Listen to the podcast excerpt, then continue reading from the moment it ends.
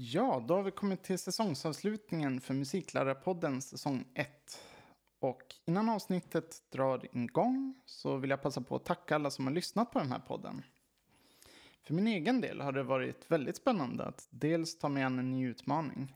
Men framförallt har det absolut roligaste varit alla spännande samtal jag har fått förmånen att ha. Och jag vill också tacka alla gästerna som har varit med och delat med sig av tankar och erfarenheter. En förhoppning jag har med den här podden är att den kan ge inspiration till musiklärare i landet och på sikt bli en kunskapsbank med ett rikt och blandat innehåll. Det här är då ett fritidsprojekt jag ägnar mig åt på sidan om arbetet och jag känner inte att jag mäktar med att lägga upp ett avsnitt i veckan kontinuerligt månad efter månad. Så jag har valt att göra det i säsongsformat där jag spelar in när jag hinner, orkar och lägger ut avsnitten när jag fått ihop ett visst antal. När kommer då nästa säsong ut? Och det vet faktiskt inte jag heller. Jag siktar på att få ihop en del två på säsong ett här innan jul. Men det kanske blir en säsong två på vårterminen eller så blir det något annat.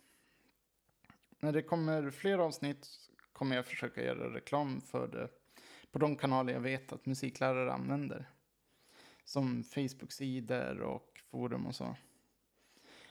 Om ni vill ge mig idéer på gäster eller ämnen att ta upp så får ni jättegärna skriva på Musiklärarpoddens Facebook-sida eller lämna en kommentar på musiklararpodden.com. Det, då tar man bort ätar så det blir musiklararpodden.com. Men nu ska jag inte prata mer utan nu kommer sista avsnittet för den första säsongen. Varsågoda.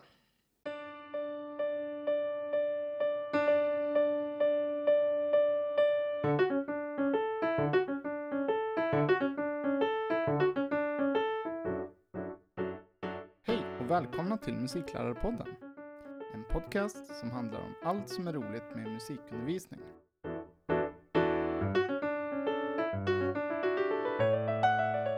Jag som gör den här podden heter Björn Johansson.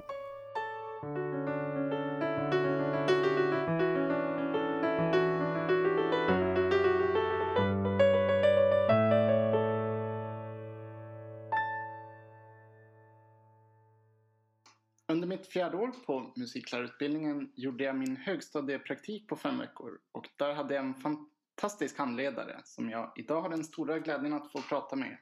Eh, Välkommen Sofie Gottschalk Jansson. Tack så mycket. Kul att vara här Björn. Sk- Skulle du vilja beskriva lite vem du är och vad du jobbar med för något? Absolut. Eh, Jag heter ju Sofie och jobbar just nu i Lunds kommun på en högstadieskola Eh, som musiklärare enbart. Och då har jag ju klassundervisning och så har jag en profilklass, eller egentligen en profilklass per årskurs eh, som heter Output som jag jobbar lite extra med att nå ut, ha föreställningar och skapa musik och lite mer fördjupat och breddat. Eh, Och innan jag jobbade i Lund så jobbade jag i Eslöv på högstadiet med också musikundervisning där och så har jag jobbat lite på särskolan också, eh, även i Eslöv. Ehm, Ja, och sen så mitt huvudinstrument är väl piano som jag tycker allra mest om, men så tycker jag om att sjunga också och så dansar jag mycket. Det brinner jag verkligen för. Eh, Så att jag utgår mycket från de instrumenten någonstans i min egen musikaliska grund. Och där räknar jag nästan dans som ett instrument också för min del. Okej, okej. Ja. Kul. Så vad jag gärna skulle vilja prata med dig om är eh, ledarskap. Men innan dess så tänkte jag det vore roligt att få höra lite om din bakgrund till musikläraryrket. Hur, hur kom du in på det spåret? Alltså jag har nog alltid velat, eh, eller från början ville jag bli pianolärare för att jag hade en sån fantastiska pianolärare själv. Så de var ju mina idoler och förebilder och har betytt jättemycket. Eh, och sen så när jag växte upp så tänkte jag fortfarande att jag skulle bli pianolärare tills jag började jobba som pianolärare eh, vid sidan av studierna och upptäckte att jag är alldeles för rastlös för att, eh, för att vara så stillsam som, som jag upplevde att jag blev. Eh, jag hade väldigt snälla elever och, och ehm, ja, men det blev väldigt lugnt för min del att jobba som pianolärare. Så att eh, när jag halkade in på att bli liksom klasslärare i musik istället och gärna då liksom för lite småstökiga tonåringar så kände jag att här, här kommer jag till min rätt på något vis. Eh, så då fastnade jag för det. Så när du började jobba som klasslärare, hur, hur var din upplevelse i början? Var det som du tänkte att det skulle vara eller var det mycket överraskningar? Jag tror att den stora överraskningen var hur roligt det var att ha kollegor som hade andra ämnen. Um, på skolan så blev det ju, är det ju fantastiskt för att alla är musiker, alla sysslar med samma sak. Ja. Och på något vis när, man, när, när jag gick på Musikhögskolan och när jag spelat så det, har jag ju också umgåtts med musiker och tyckt att det är fantastiskt att nörda ner sig i det. Och det trodde jag att jag skulle sakna. Um, men sen har jag haft det på fritiden ändå och istället upplevt att det är ju helt fantastiskt att gå och ta en kaffe med en, en samhällskunskapslärare som plötsligt börjar berätta om någonting som händer i något annat land eller snöat in på någonting helt annat. Så det var mycket runt omkring som jag tyckte var förvånansvärt roligt för min del. Eh, sen att ha själva eleverna i klassrummet var det väl mest att från början så tänkte jag att jag skulle lära känna alla på djupet. Eh, det kan du göra lite mer som instrumentallärare. Men det fick jag rätt så snabbt inse, att jag måste förhålla mig till att jag träffar de här eleverna oerhört lite. Mm. Och anpassa mig efter vad det är viktigt i vår relation. Eh, det kanske inte är viktigt att jag vet precis vilka syskon den här eleven har eller att de har ett sommarhus i Gävle eller någonting utan på något vis att hitta att man lär känna varandra på en, en rimlig nivå. Att man lär känna personligheten men man vet inte så mycket om dens liv utanför skolan. Och det var en anpassning som, som tog lite tid för mig. Okej. Okay. En sak som jag tänker är lite kul att fråga lärare är om saker man gjorde i början. Om, man har gjort några så här, liksom, misstag som man kan liksom, skratta åt idag. När man, när man var ny, som man lärde sig av erfarenhet. Alltså, jag, jag tycker det är fint att du säger liksom, att man gör misstag som ny. För att nu har jag ändå jobbat för nu blir 14 år som klasslärare. Och jag tycker fortfarande att jag gör en massa misstag.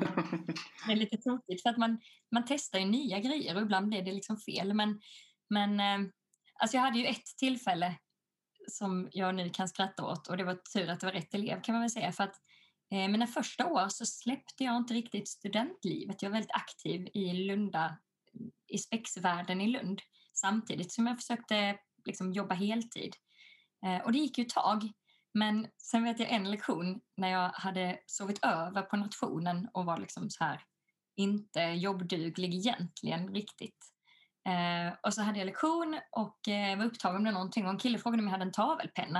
Och sa så, ja men det ligger där i min, eh, min väska, bara stick ner handen så, så ligger det en tavelpenna där. Och han gjorde som, som jag sa och lyfte upp pennan och där hängde mina trosor från gården. det var så, eh, det blev rätt så tydligt när hela klassen bara, eh, vad hänger där? Så jag att någonstans måste jag kanske börja liksom inse att livet, jag måste lämna studentvärlden lite grann världen nu.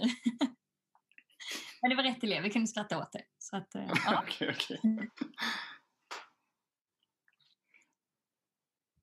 Men det, det var intressant att man, man eh, kan skratta åt saker. För jag upplevde när vi hade eh, praktiken där att du hade en väldigt... Du kunde skoja med eleverna väldigt mycket. Och det var någon du kallade för Blondie tror jag, eller något till och med. Så. Ja, jo. Ja, något sånt. Ja, men, det, ja, för min del är det, alla har ju sin ledarstil, liksom. men för min del är det oerhört viktigt att kunna skoja om saker. För att, eh, Varför då? Var, varför är det så viktigt? Jo, därför att lätta på stämningen. De, de känner, alltså, att vara högstadieelev är, är att dagligen bli bedömd i allt du gör. Mm. Eh, det är en otrolig press på dem. De har 16 eller 17 ämnen och de blir bedömda i alla och de blir hela tiden så ska de bevisa sig. Och det måste ju vara fruktansvärt stressande på ett sätt som inte fanns när jag gick på högstadiet.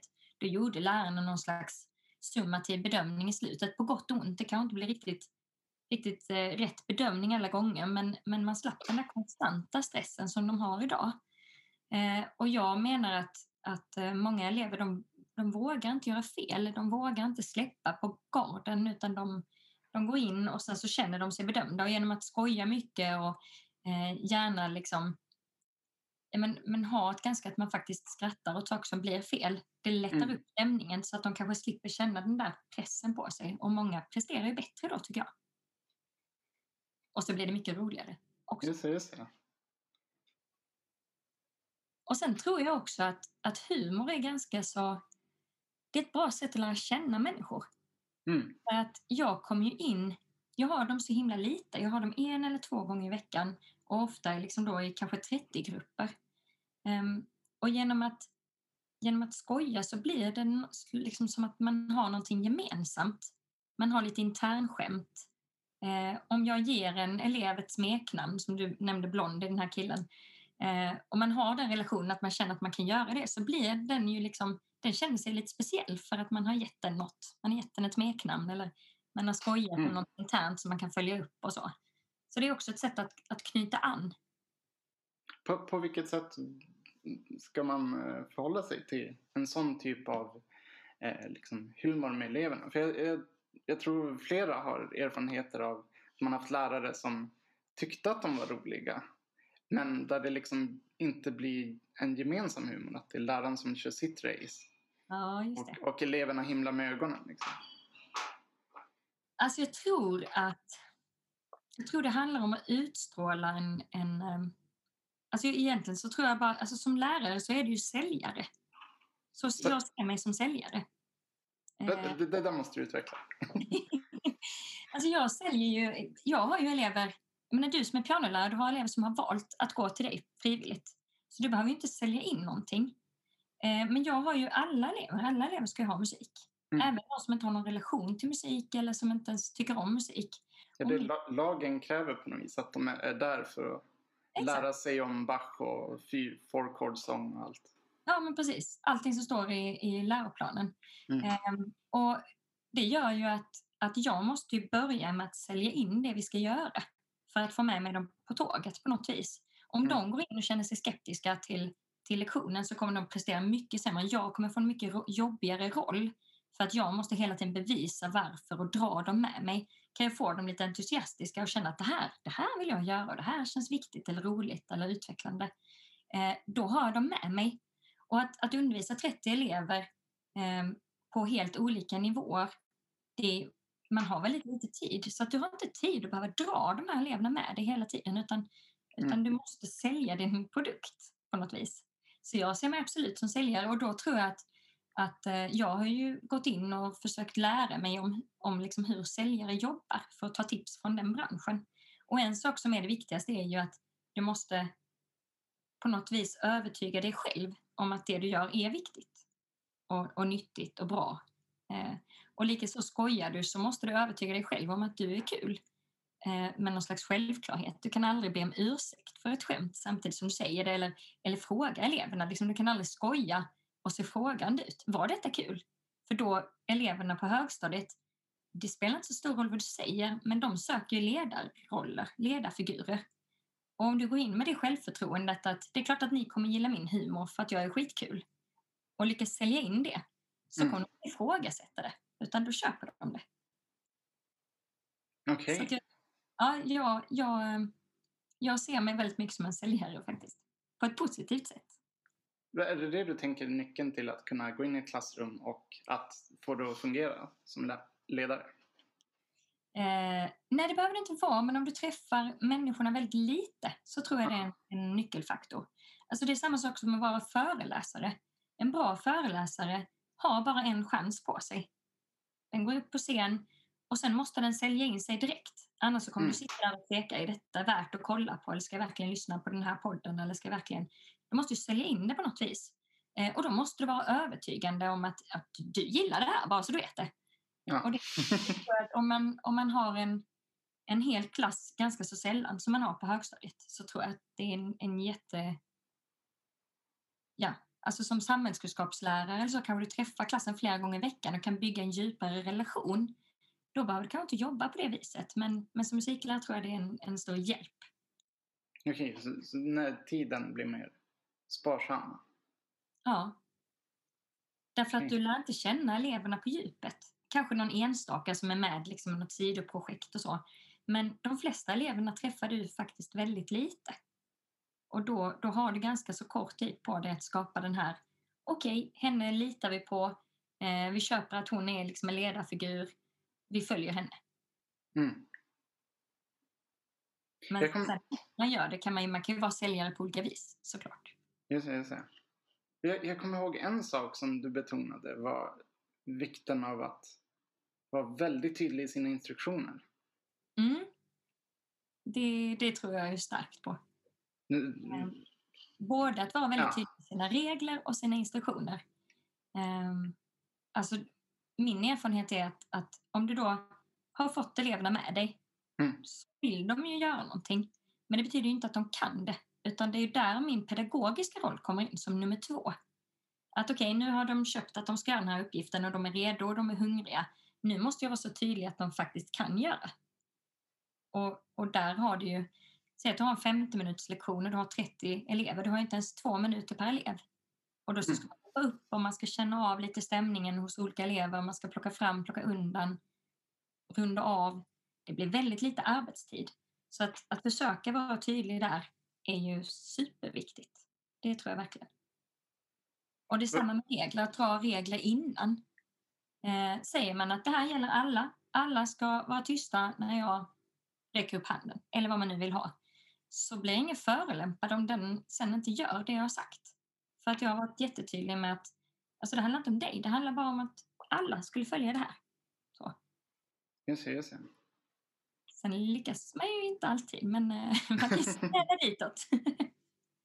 vad, vad tror du det finns eh, som ofta brister i kommunikation och instruktioner? Jag har sett någon gång så här Death by Powerpoint. var rätt kul. Där det var liksom kaos mycket information. Och så, och så läste man exakt vad som stod också.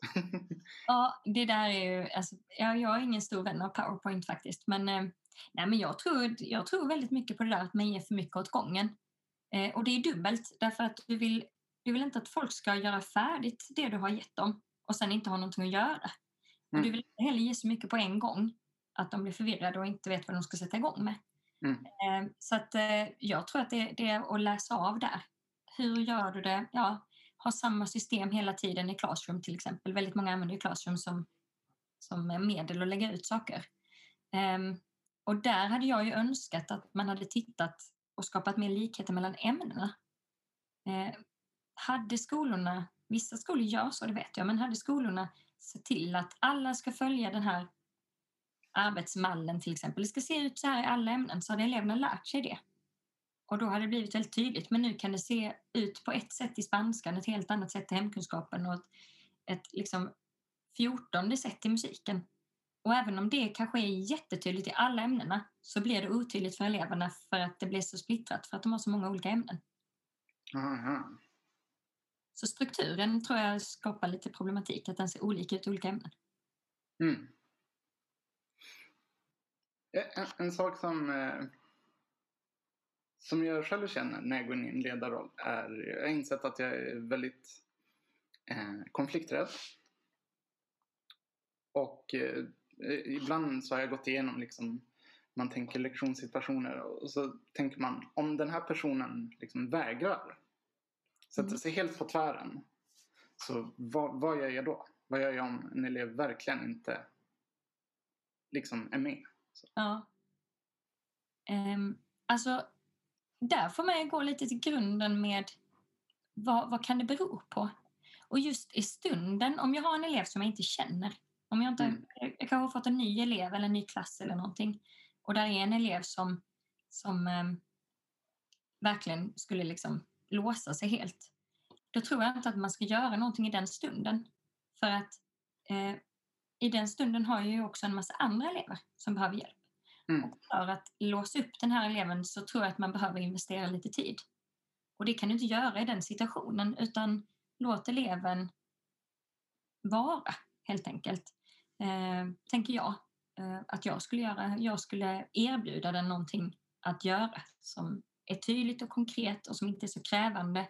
Men sen skulle jag acceptera att eleven inte gjorde någonting just i den stunden. Och det är också av respekt för eleven, för vi vet ju inte vad den har med sig in i klassrummet. Den kanske blivit jättedåligt behandlad eh, tidigare i en liknande situation. Den kanske egentligen mår jättedåligt, har jätteont i magen eller inte vill säga det. Eller, det kan ju vara vad som helst egentligen. Ja. Eh, Men man måste följa upp det innan nästa lektion. För du har, jag brukar ha en vecka på mig eftersom jag har dem en gång i veckan. Och då skriver jag alltid upp efter lektionen att nu måste jag söka upp den här eleven. Och då får man försöka hitta tillfällen när man faktiskt har lite tid att sitta ner i lugn och ro. Eh, på liksom väldigt viktigt att man inte tittar på eleven utan man kanske har någonting gemensamt att titta på och sitter bredvid varandra. Det här lågaffektiva tar man vid ett helt annat tillfälle. Eh, och, och börjar med liksom öppna frågor. Hur upplevde du att det blev på musiklektionen? Och försöka nysta i vad hade hänt innan eller är det någonting som, som jag kan göra som skulle hjälpa och så. Och sen kanske man kan få igång eleven och få en, en annan kontakt med den. Förhoppningsvis. Mm. Men det är inte jätteofta elever inte vill. Utan det är väl oftast, om det hand, alltså, händer det så handlar det oftast om att eleven, att det har varit en för svår eller otydlig instruktion. Om eleven misstänker att det här finns ingen chans att jag klarar det, då finns det ingen, inget incitament för eleven att gå in och göra den arbetsinsatsen. Okej. Så det ligger, när det har hänt mig så måste jag nästan alltid gå tillbaka och backa lite och titta på hur blev instruktionerna för den här eleven och, och hur tydligt var det egentligen och, och så. Och det landar nästan alltid kring att man kan se att ojsan, jaha, det kanske inte blev jättetydligt för den. Så eh, som vanligt får man väl titta lite i spegeln också. Mm. Om, om jag får återgå lite till det som att man är säljare. Ja. V- vad är det du tänker att vi säljer? V- vad är det du tänker att eleverna kommer få ut av musikundervisningen som de kan få med sig i livet? Eh, alltså de får ju med sig så otroligt mycket saker oavsett om de, alltså musiken i sig, att man blir bättre på att spela eller, eller lyssna på instrument eller eh, skapa. Alltså det, får de ju, det är liksom så tydligt att de får med sig. Eh, men de får med sig så mycket mer, till exempel det här med, med att lyssna in. Att när vi musicerar ihop så är det en ordlös kommunikation. Där man verkligen, där det bygger inte på att någon pratar utan att man lyssnar på varandra istället. Och det är liksom omvänt. I vanliga fall i klassrummet eller i livet så är det väldigt mycket att den som pratar är den som blir hörd, alltså den som får igenom någonting. Så att Mm. talet hamnar väldigt mycket i centrum och det ser vi också i Skolverkets liksom, formuleringar. Att man ska vara välutvecklad och väl underbyggt. Och det är väldigt mycket eh, de har också satsning nu på, på ord och språkkunskap och språkutvecklande lärande och sådär. Eh, och det är superviktigt. Men ibland känns det som att vi skulle titta lite mer på den japanska kulturen. Där, där själva lyssnandet är väldigt mycket fokus.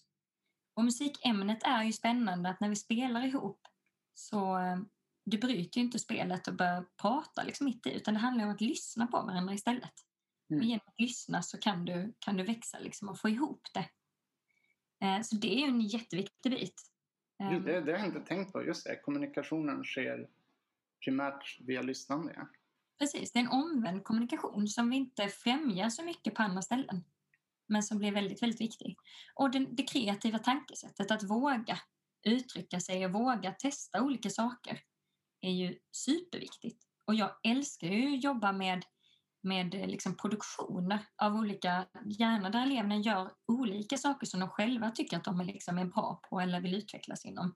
Att någon skapar en musikbakgrund digitalt och någon annan sjunger och någon tredje dansar och håller på med belysning och någon fjärde liksom är inne på PR och vad passar det för bakgrundsmusik här? Och, um, för att då, då kan vi verkligen se hur händer det i livet? Hur många reklamfilmer har vi sett utan musik? Eller varför börjar stora föreläsare med att liksom gå in upp på scen till rätt låt? Eh, så det de får med sig jättemycket viktigt oavsett vart de ska i livet. Liksom.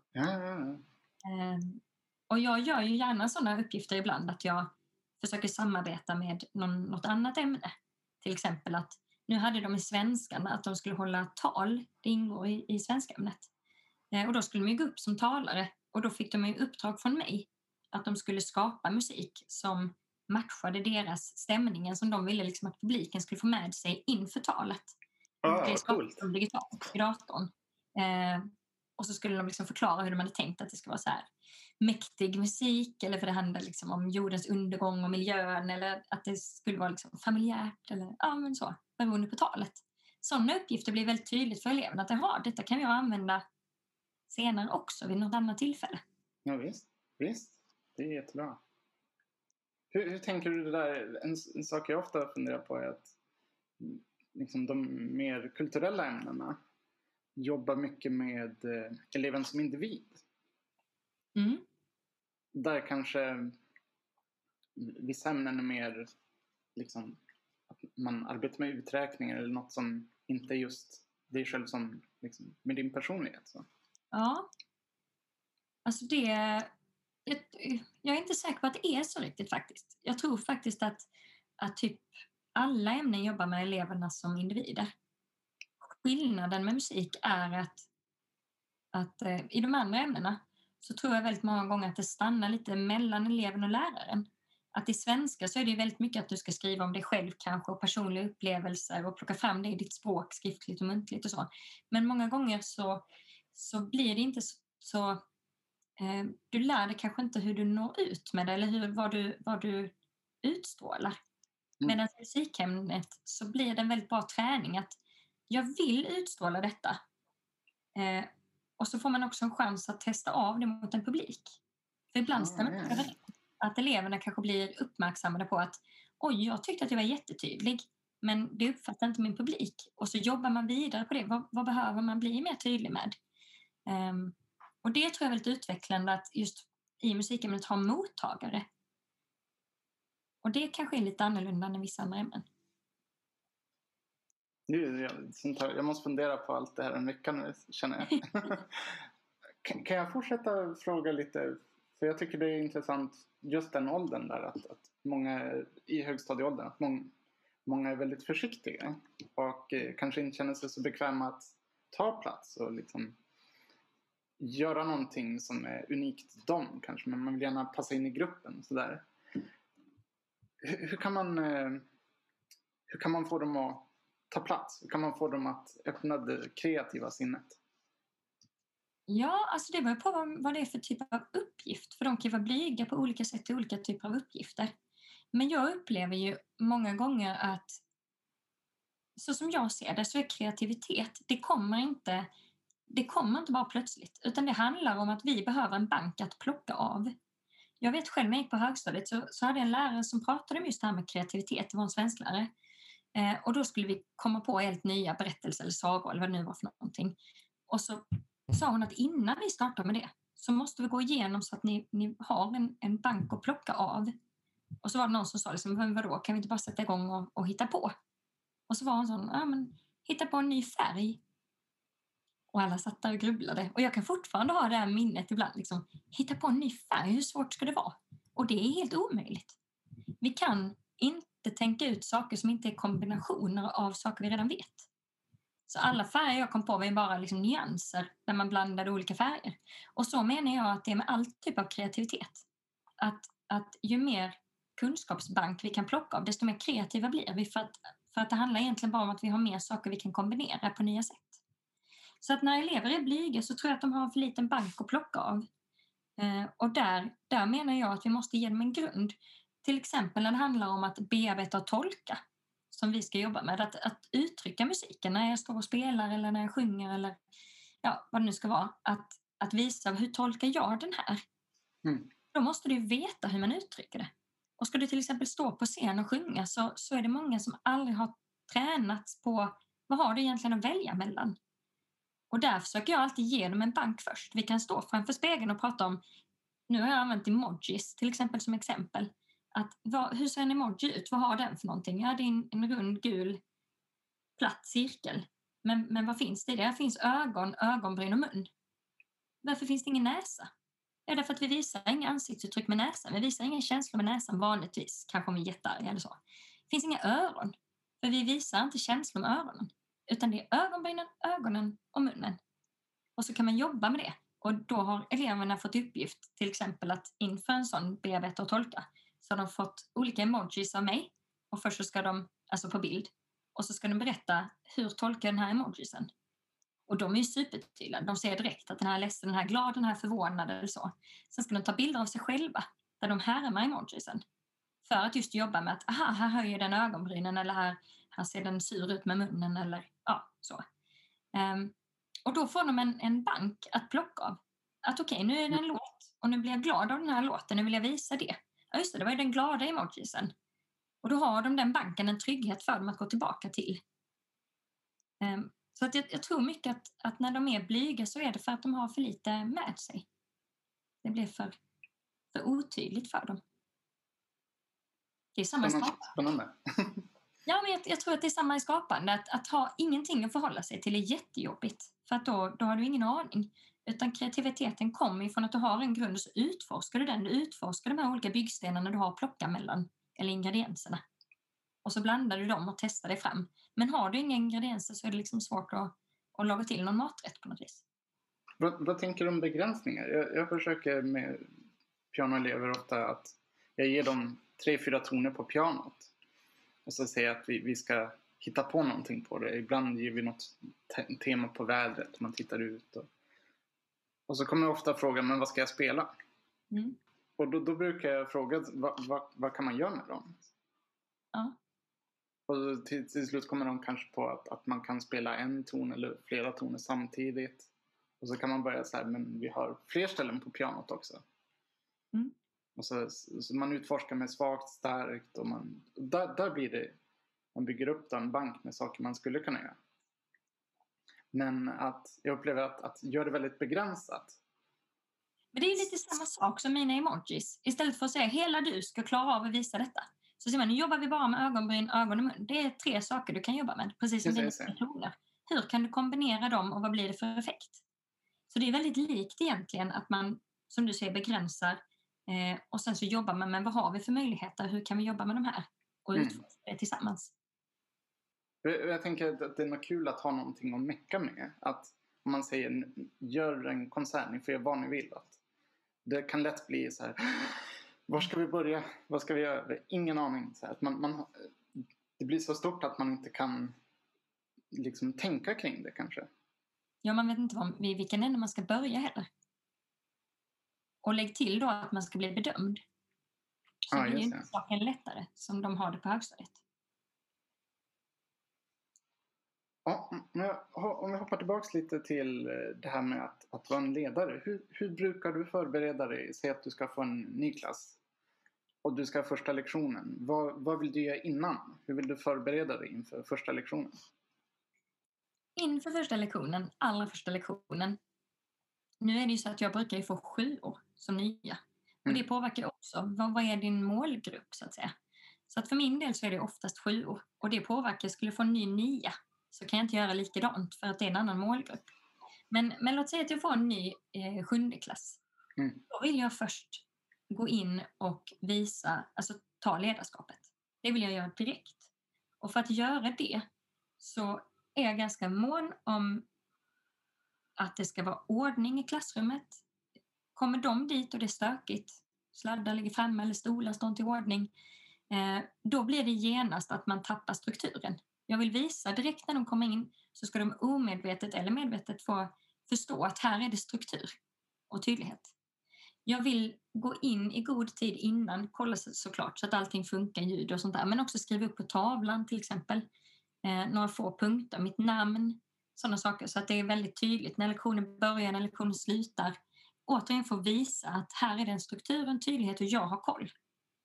Sen när de kommer in så ska det finnas en plats för dem att sitta på som är bestämd. För att det är jag som är ledaren, det är jag som bestämmer platserna. Ingen får känna sig mobbad eller orolig eller bli nervös för att den inte vet var den ska sitta. Jag vill möta upp dem i dörren så att man inte kommer in som en, en liksom 30 unga som bara örlar in och snackar och skrattar och sen så blir det svårt att liksom få grepp om dem. Utan jag vill träffa dem utanför, släppa in dem, hälsa på var och en för att visa att jag kan se det i ögonen, känna av dem lite grann. Man märker väldigt snabbt direkt redan i insläppet vilka som kanske är kanske har autistiska drag eller vilka som kanske vill försöka utmana ledarskapet eller ja, på olika vis. Och så kommer de in eh, och sen börjar jag direkt med att vara ganska så strikt. Jag skojar inte direkt utan det första jag gör är att vara ganska så jag låter dem aldrig spela förrän vi har gått igenom reglerna. Och reglerna är väldigt enkla för mig. Att du får en uppgift och det är den uppgiften du ska göra. Punkt. Klarar du att göra den så är jag nöjd. Annars så är jag inte nöjd. Liksom. Um, och, och det, det är nog de förberedelserna jag gör innan. Liksom, som är generella. Mm. Men det är jätteviktigt för mig att lektion ett, och är det någon som, någonting som händer, någon som försöker testa mig, så då går jag fram till eleven för att visa att jag är inte överhuvudtaget, jag kan möta dig, jag är inte konflikträdd, för det är jag som är ledaren i klassrummet. Och så behåller man lugnet och så känner man av lite, kanske man kan lägga en hand på axeln eller då kanske man kan skoja om man känner att det här är en elev som vill spela lite pajas och vara den typen av liksom, ta över lite. Så kanske man kan, kan skoja lite med eleven för att visa att ja, fast jag kan också ta den här rollen. Mm. Och det försöker man göra direkt. Liksom. Ehm, ja, lite så. Sen är ju alla klasser olika så man kan inte riktigt göra likadant. Men, men det där är superviktigt att visa direkt att det är jag som är ledaren och här är strukturen. Eh, då har man väldigt mycket vunnet sen. Okej, okay, okej. Okay. Jag, tänk, jag tänkte jag skulle försöka sammanfatta lite, backa lite de saker vi har, som, som du har nämnt här nu. Um, först, först pratar du om relationerna. Att man ska ha en relation på kan jag säga rätt nivå? Du, du sa att man inte hinner gå in för djupt. Nej, alltså jag, jag vet hur eleverna är. Jag vet att den eleven är på det här sättet, dens personlighet är sån. Men jag vet väldigt lite om eleverna. Mm. Deras privat. Men jag, jag, kommer, jag kommer ihåg att du, när vi hade praktiken, att du verkligen var, betonade att det är jätteviktigt att, att skapa relationerna. Ja, ja, det är jätteviktigt. Ja. Så det, det var en sak att gå in och, och ta kontrollen direkt första lektionen. Mm, det är viktigt för mig. Och sen så nämnde du att om det händer någonting, att man följer upp det innan nästa lektion. Ja, allting behöver man inte ta direkt, men man behöver ta det innan man träffas igen. Och så, du pratade lite om humor där också, att, att man försöker avdramatisera så att de inte känner att man bedömer dem hela tiden. Ja, man ska ha kul. Alltså mitt syfte med att gå in och ta kontrollen är ju att, att jag inte ska behöva lägga tid på de där tråkiga, tjafsiga, säga till eleverna trist. Liksom. Utan jag vill ha lektioner där jag möter eleverna och, och vi har kul och vi jobbar och vi lär oss och vi utvecklas. Det är ju dit man vill. Liksom. Och mm. humorn är ju, ja, då har man ju kul också. Liksom.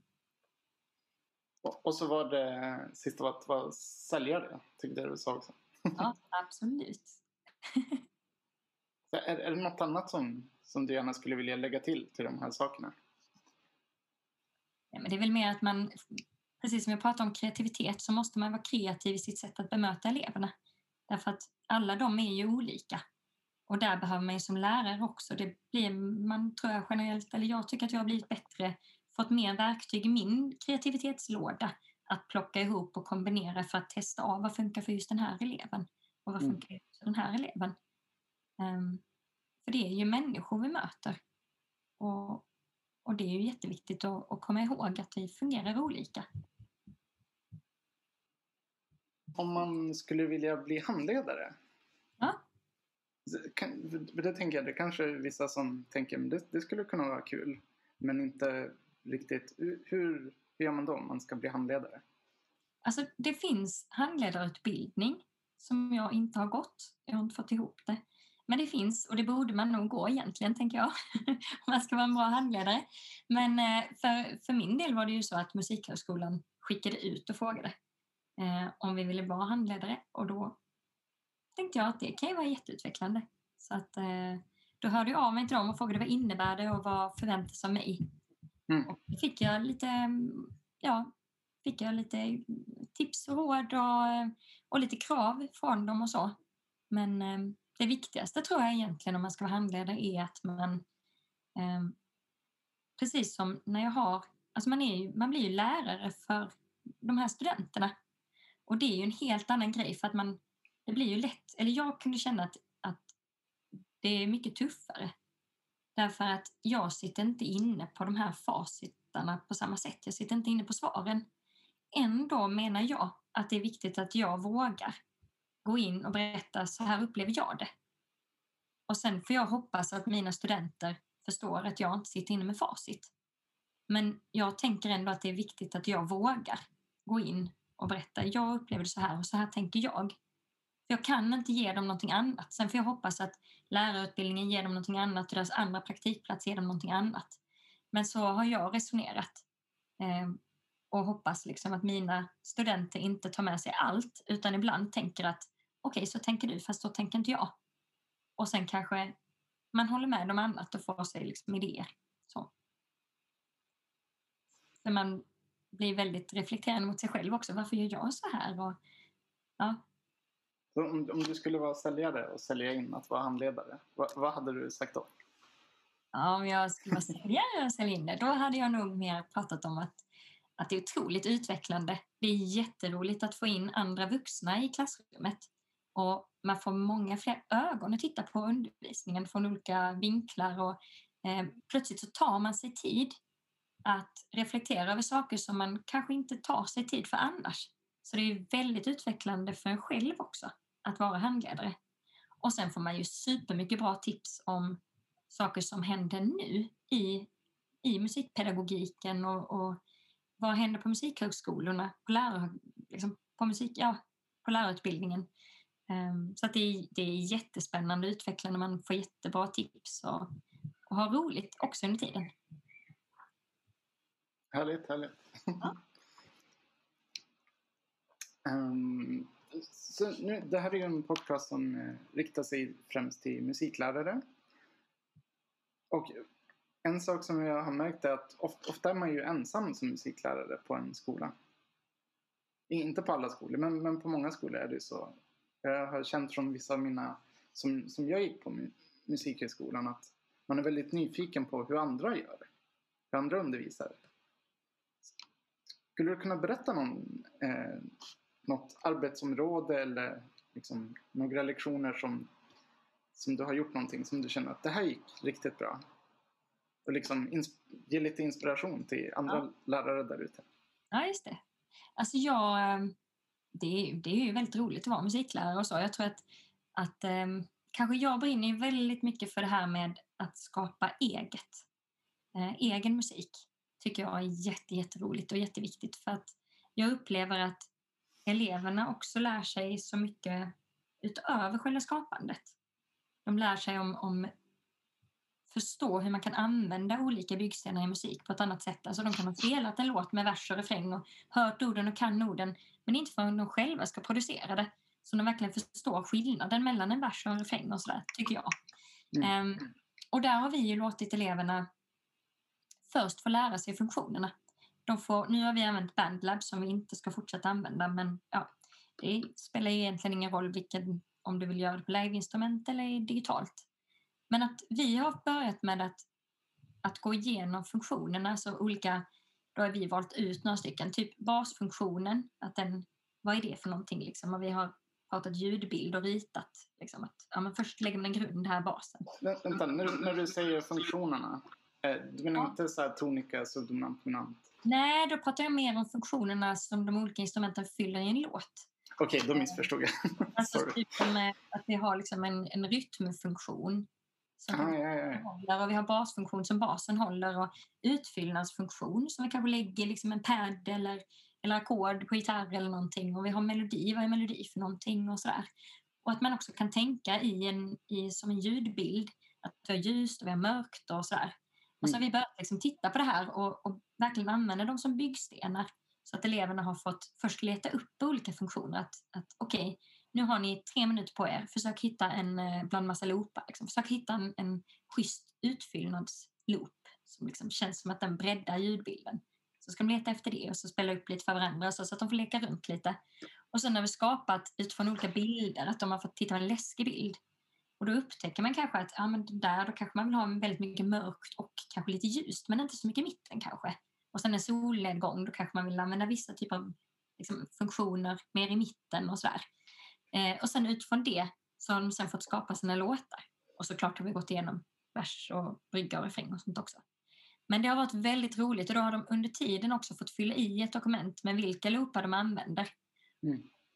Eller om de har spelat in från instrument. Eh, och vilken funktion de ansåg själva att deras liksom, spåret har och varför den passar ihop med andra. Um, och så har vi gjort det kopplat till, ja, det har både varit film, ett filmklipp utan ljud och bilder och eh, också att de har fått göra till slut en egen låt. Liksom. Men eh, det har varit jätte, jätte, jätteroligt.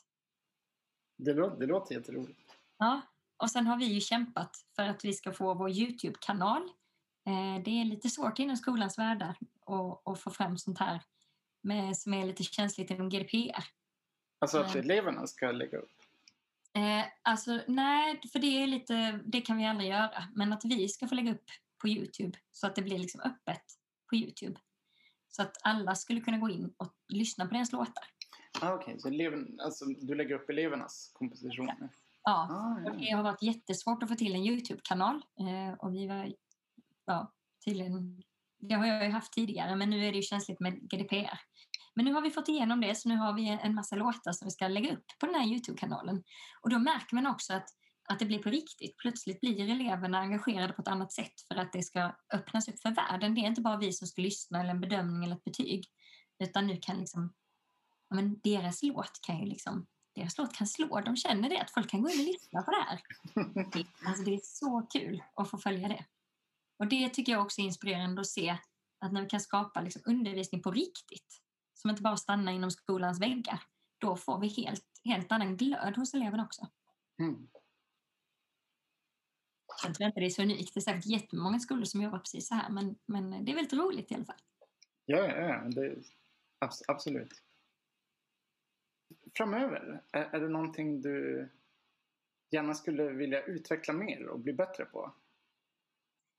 Absolut. Jag skulle vilja bli mycket mer tekniskt kunnig. Alltså um, gå in på, alltså kunna hantera och mastra låtar och verkligen liksom bli mer, jobba mycket mer med det här. Jag är klassiskt skolad från början och känner att jag har ganska bra inblick i den klassiska världen och sen har jag gått in och spelat i massa coverband och grejer. Liksom. Men just att lära sig mer om själva skapandet och det digitala skapandet framför allt. Um, och själva tekniken även i liveföreställningar blir en bättre bli en bättre pro producent helt enkelt. Kunna sitta vid mixerbordet och mixa ljuden mycket bättre och ha kontroll över det. Vad de olika effekterna ger och jag ska styra det och kunna... Ja, det, det hade varit jättekul. Eh, och så känner jag också att sedan 2015 så är faktiskt hiphopen den största genren. Mm. Och jag känner mig väldigt trygg med att sjunga och jag känner mig trygg med att dansa hiphop eh, och producera hiphop-beats. Men att rappa och kunna hantera det, alltså jag är helt urusel. Så det känns också som en sån grej, jag måste ta tag i det och, och kunna lite mer där. Just det, just det. Det, det, det är flera pianoelever som de, de vill spela raplåtar. Ja. ja, men det är ju den största genren i världen. Och ofta har de inte gjort kopplingen att det, det kommer inte vara så fett att spela den här melodin på piano. Det, det är en ton liksom. Ja, nej. Men, men i sitt sammanhang kan det ju vara fett. Alltså det är bara att sätta igång ett bit till liksom, så kan de ändå känna att, att det blir en enhet. Jo, det kan det Jag försöker ofta, om, om det är några slingor eller bakgrundsackord, att man jobbar med det då kanske mer än själva ja. melodin. Så. Men det, jo men shit, det är verkligen vanligt. Vanlig genre. Ja. Populär genre. Det är världens största musikgenre sedan 2015. Så långt tillbaka? Ja, tydligen. Okay. Ja, så att, eh, och det vet jag bara för att vi pratat om modern musikhistoria så jag kunde plugga på lite sånt, läsa på. Så då märkte jag det och blev lite så här, men gud, jag måste verkligen ta itu med det här nu.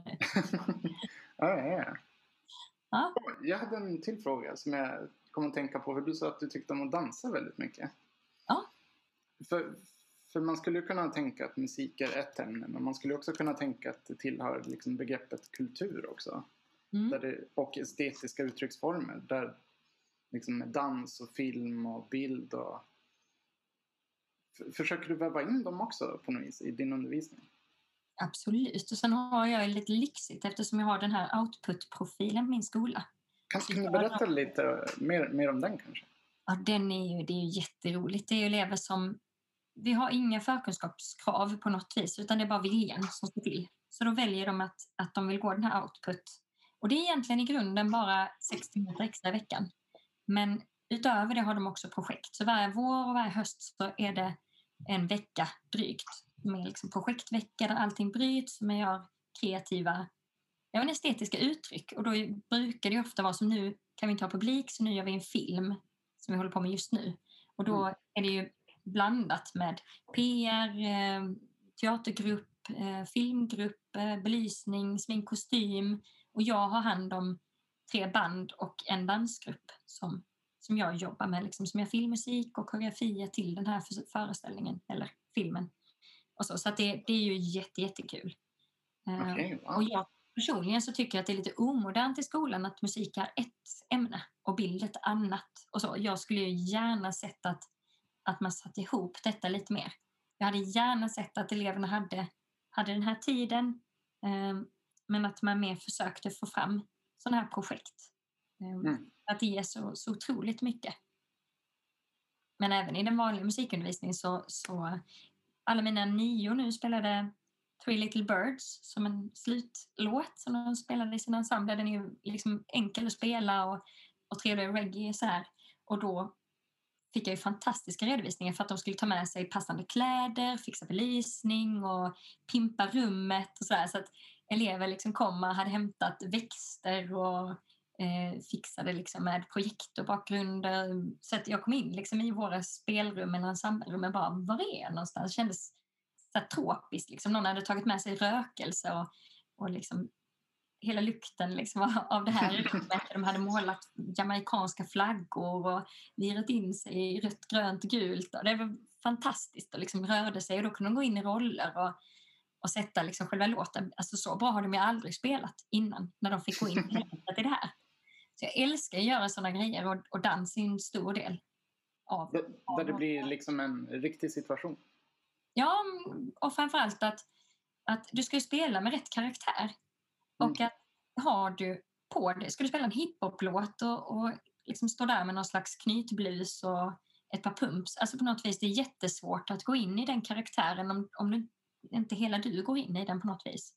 Så att ibland så, så lägger jag in i själva uppgiften att jag så att säga tvingar eleverna att gå in i karaktärer och, och jobba med det. För det blir också musik kombinerat med andra uttrycksformer att man jobbar med teater och dans och belysning och allting för att de ska hamna i rätt stämning som hör till den låten. Mm. Eh, det, det, eleverna älskar det också. Det, de tycker det, ja, det är väl någon som tycker att det är lite jobbigt men, eh, men de vänjer sig också och lär sig också. Liksom. Och sen säger de allihop att, att det blir mycket roligare. Ja, visst. Ja, visst. Den, den metaforen drar jag väldigt ofta med mina elever. Just att jämföra musik med teater. Vi mm. brukar säga att noterna är ett teatermanus. Ja. Så, så, att, så, att, så att, att man, man, går inte runt och håller pappret på scen. Så här, att de, de inte ska liksom bara läsa från pappret utan gå in i en roll. Om det är en rocklåt så, här, så ska det inte vara för snällt utan så här, var, lite, var lite arg. Så Ja, det är ju jätteviktigt det är jättekul att se när de, eh, när de greppar vad det är för någonting och går in i en annan stil. Och så, ja. Man påpekar så ser du hur annorlunda du rör fingrarna nu? Mm. Och att, att det är så små rörelser man gör. Att det, det, är svårt att träna tror jag. Det går inte att göra det mekaniskt. Att man ska träna uttrycket att trycka lite hårdare och lite snabbare. Nej. Utan Nej. kroppen anpassar sig när man har en annan känsla i kroppen. Precis, att det kommer inte få en fingrarna är inte en egen enhet utan man sitter ihop. Liksom. Och där brukar vi också jobba lite grann med just ta hjälp av dans genom att till exempel, och det kan vara inte riktiga danssteg så mycket som att man vi, vi har väldigt bra, vi har danssalar hos oss också så vi har tillgång till speglar. Och det är ofta när de ska komma in i karaktär som, som man ställer sig framför spegeln och så, så övar man på kanske att okej, okay, men skillnaden bara att ställa dig bredbent. Vad mm. händer? Liksom istället för att stå med fötterna i kors eh, och hänga lite på ena benet eller, eller du sätter båda fötterna ganska tydligt, liksom, mer än höftbrett och tar plats på scen. Sträck på dig eller ja, så. Så det är också att man försöker ge dem de där tydliga verktygen som de kan plocka av för att sen undersöka dem och utforska dem. Yeah. ja, du hade jobbat i någon kulturskola också sa du? Du var pianolärare. Nej, egentligen, nej, jag jobbade på privata skolor som pianolärare Alltså egentligen under tiden som jag både på gymnasiet och sen när jag pluggade som musiklärare. Eh, så jag har inte jobbat inom kommunal verksamhet. Okej, okej. Ursäkta. Uh, men du jobbade som pianolärare så, med enskilda elever? Ja, det gjorde jag. Hur, hur tänker du där med ledarskapet? Vad, ska man ha ett an, annat förhållningssätt här, där, tänker du? Absolut, skulle jag vilja säga. um, alltså det, har du en hel grupp så behöver du visa att det är jag som är ledaren. Men har du en elev så blir det ju väldigt förtryckande att gå in, börja med att gå in att här är jag som bestämmer. Då, då tappar du ju liksom den, eh, det utbytet du kan ha mellan dig och eleven. För att är det bara två personer så behöver inte, alltså, du behöver inte ta den platsen på det sättet. Ehm, mm. Så att där tror jag man måste vara mycket mer, mycket mer mjuk. Ehm, där kan du också, du har ju tid. Om du, du har ju aldrig en pianolektion i mindre än två minuter. Du har ju alltid mer tid med den eleven. Du har ju åtminstone, som jag brukar ha, 20 minuters lektioner. Ja. Det är ju tio gånger så mycket tid, mer än tio gånger så mycket tid för den personen än vad jag har i mitt klassrum. Så det gör ju också att jag kan fråga lite grann om, om den där hamstern Doris eller Jaha, morfar, hur mår han nu? Han hade ju fått lunginflammation eller ja, sådär. Eh, och det tror jag är jätteviktigt i det tillfället. Um, och ja, jag tror att man måste vara mycket mjukare. Och kanske inte heller lika, lika snabb. Um, i, när du har helklass och väldigt lite tid liksom, så måste du vara väldigt, driva upp tempot. Men jag tror att när du undervisar pianoelever så kanske inte det momentet är lika... Det är klart att du vill komma någonstans men det kan också bli stressigt om det bara är en elev och du ska driva på tempot hela tiden. Liksom. Mm. Så att det, man måste vara lite lugnare och lite mer inlyssnande. Men humor tror jag fortfarande kan vara. Just det, just Men som sagt var att jag passar ju bättre som klasslärare så att egentligen så, så ska jag vara lite ödmjuk för de som är riktigt bra pianolärare. Men alla tankar är intressanta tror jag. Ja. um, är, är det någonting som vi inte har tagit upp nu som, som du gärna skulle vilja prata om? Um, nej, men inte... Det är ju, nu är det ju jag som har blivit intervjuad så det, det är lite... Det hade varit så himla spännande att höra din syn på allting men jag förstår att det, det kanske får bli någon annan gång. Nej, jag vet inte något speciellt sådär. Vi har väl täckt in ganska många saker. Men eh, då tror jag att jag, jag får tacka så hemskt mycket för att du ville vara med och prata. Det var jätteintressant att prata med dig om de här eh, frågorna. Det var jättekul. Tack för att jag fick vara med. Och vi kanske syns någon annan gång i något sammanhang också. Det hoppas jag.